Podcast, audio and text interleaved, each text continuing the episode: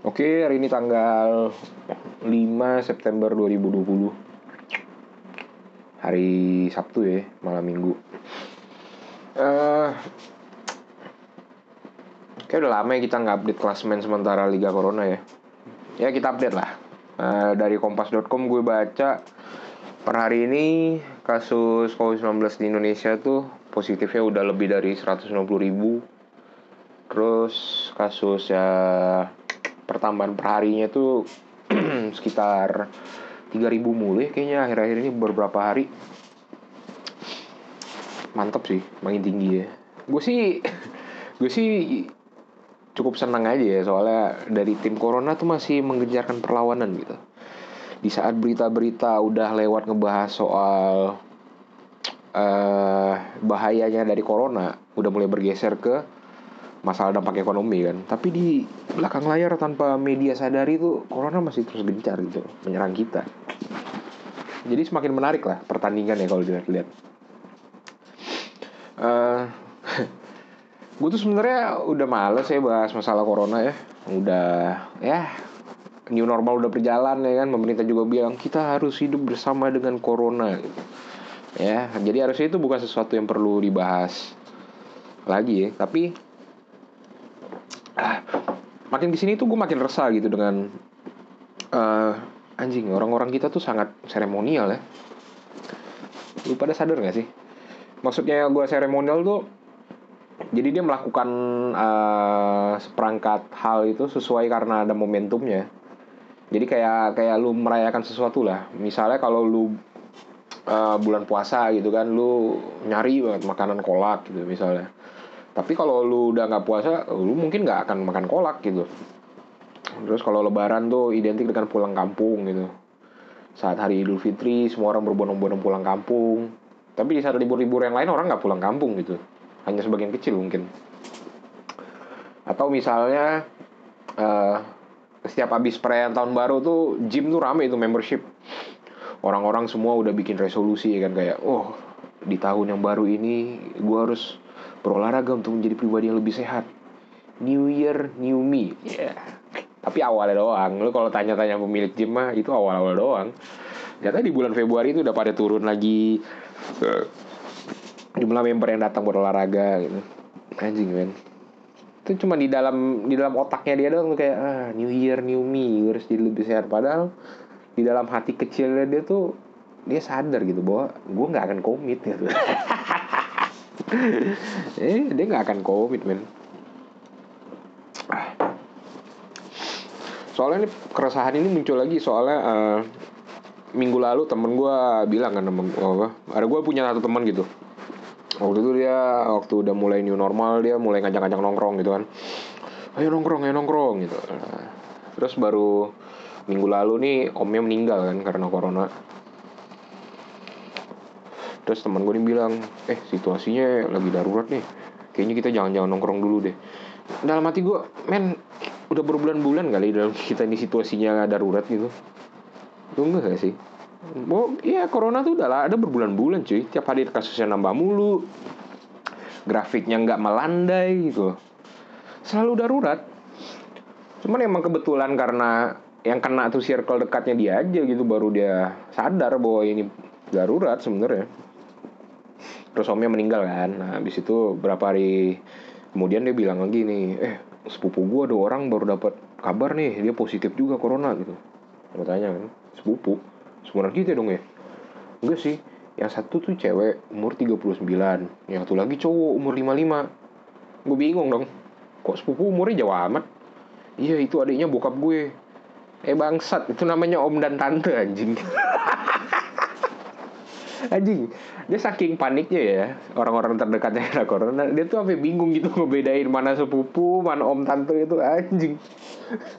Satu umur tiga sembilan satu umur lima lima itu sepupu gue anjing itu om tante bangsat. Adiknya bokap. Bangsat emang.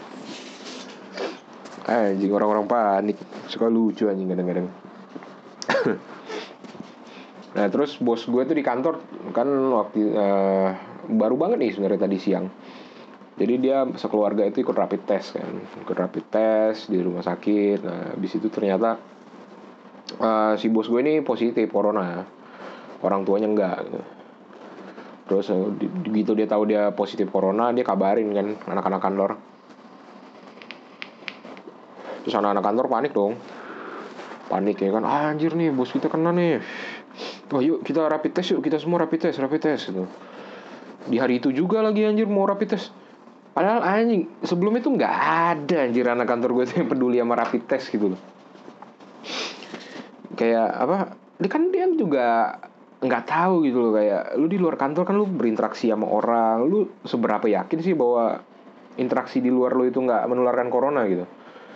Giliran bos kena ya kan ayo kita semua rapid test kalau bisa hari ini juga gitu. Anjing emang. Giliran circle dekat kena ya kan baru udah tuh peduli semua buat tes anjing padahal kan penyakit corona itu kan mudah banget ya.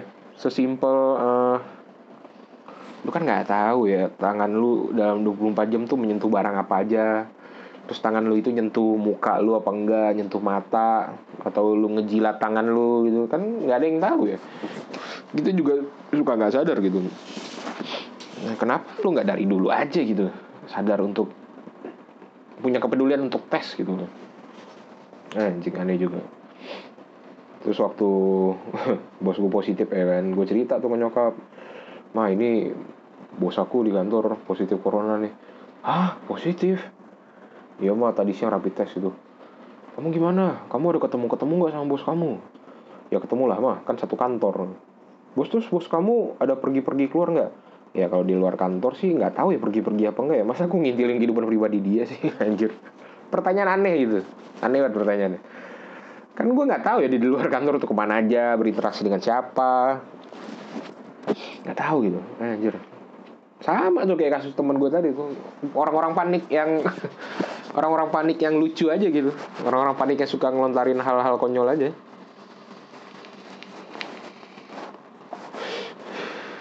Terus nyokap gue di masa-masa pandemi jadi pakar nutrisi ya kan.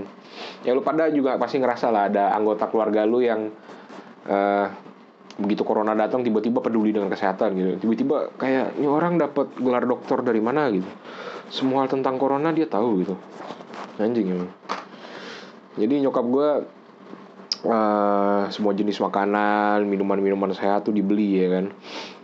Dari pagi tuh waktu sebelum uh, sebelum gue berangkat itu minum perasan jeruk ya kan sama madu satu sendok madu murni Nah terus siang kalau lagi di rumah tuh makan tuh macam-macam buah ya kan, pisang, pepaya, you name it lah, semua buah-buahan tuh dimakan dah. Terus malam sebelum tidur minum uh, apa namanya itu uh, kapsul minyak ikan tau gak sih lo, yang mengandung omega tuh. Nah itu tiap malam gue minum tuh dua kapsul gitu. Terus habis itu pas nyokap gue tahu bos gue kena corona mau beli lagi anjir vitamin C yang pil itu loh anjing maksud gue kita tuh bisa nggak sih mati karena terlalu sehat gitu? Iya kan? Maksudnya anjing gitu. Lu udah udah apa namanya? Udah minum madu buah-buahan lu makan kapsul minyak ikan terus lu mau tambah lagi vitamin gitu anjir.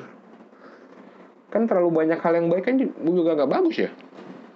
Terlalu jorok lu bisa mati apa kalau kalau lu terlalu sehat juga bisa mati gitu anjing? Apalagi kayak Anjir, gaya hidup gue kan bukan gaya hidup yang sehat gitu ya. Sehari-hari makan banyak makanan sampah gitu Yang nutrisinya kurang. Terus gue ngerokok Terus gue juga minum alkohol gitu loh. Nah badan gue tuh kagok anjing. Kayak anjing sob lu bisa santai gak sih? Drastis sama anjir perubahannya. Kayak pelan-pelan tuh ngapa? gitu. Itu badan gue aja protes anjing. Ini bukan diri lu men. Ini bukan diri lu. Lu tuh gak gini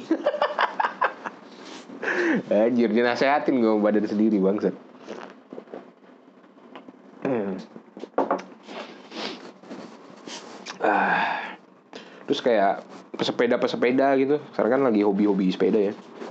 Orang semua beli sepeda, harga sepeda pada naik, jalanan jadi lebih macet karena si pesepeda ini ng ngalangin jalan anjingnya. Nah, lu lihat pesepeda-pesepeda itu tuh emang bakal tahan lama ya mereka? Kalau gue sih ngeliatnya kayak enggak. Ya maksudnya sebutannya aja tuh tren bersepeda gitu. Ya namanya tren kan selalu sementara ya. Tren akan selalu seiring berganti gitu loh. Nah mungkin kayak tren bersepeda gitu sebagian kecil dari mereka mungkin ngerasa wah ini manfaatnya bagus sih buat gue. Terus mereka nganjutin gitu nah tapi kalau orang yang mindsetnya cuman eh oh ikut ikutan nih lagi ngetren nih kayaknya keren. Nah itu orang-orang yang bakal gone aja gitu. Bakal gone aja. Sama lah kayak kasus ngejim tadi gitu awal tahun.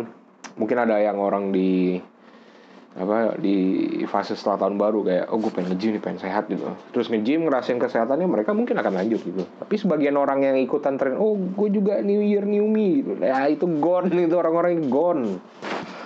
Gone gitu. Nggak akan tahan lama mereka Aja lu lihat contoh-contoh gue tadi tuh ya itu kasus-kasus real seperti itu kan sangat menguatkan pandangan gue bahwa anjir kita tuh sangat seremonial loh. Seremonial banget. Kayak masalah corona gini kan semua orang tiba-tiba uh, peduli dengan kesehatan gitu. Tapi kalau mereka nggak apply itu ke gaya hidupnya tuh gimana dong? Kalau misalnya anggaplah tahun depan corona beres gitu kan nah apakah mereka akan meng menerapkan hal-hal baik yang terkait kesehatan itu keseharian mereka gitu? Gue nggak gitu yakin sih.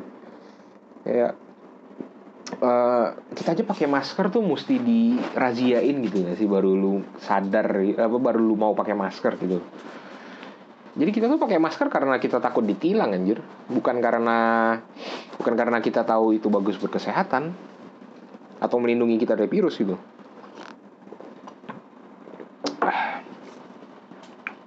Emang orang ke mana-mana pakai helm? Mereka sadar bahwa itu untuk melindungi dirinya. Enggak men. Di kepala mereka itu supaya nggak kena razia supaya nggak kena tilang. Kayak apa namanya di daerah komplek rumah lu deh. Daerah komplek gitu yang komplek atau gang yang nggak di jalan raya gitu. Orang-orang kan banyak kan yang pemotor-pemotor yang nggak pakai helm Terus kalau lu tanya, kenapa sih lu nggak pakai helm gitu? Ya ngapain pakai helm? Orang ini gak ada polisi gitu. Nah, gimana dong? Mereka peduli karena takut ditilang.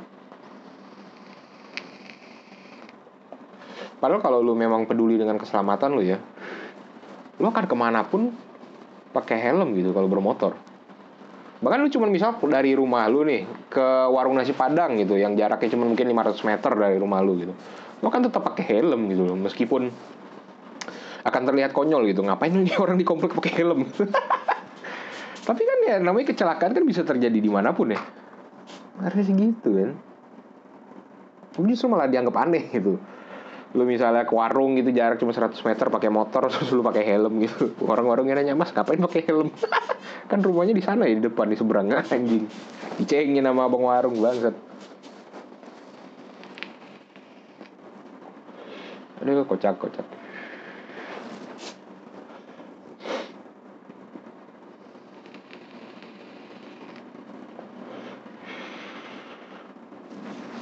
Ini udah berapa menit sih? Ya udah mau 14 menit. Ya kayaknya udahlah segitu aja lah ya. Ya ini gue diemin dulu aja ya biar pas sampai 14 menit Dah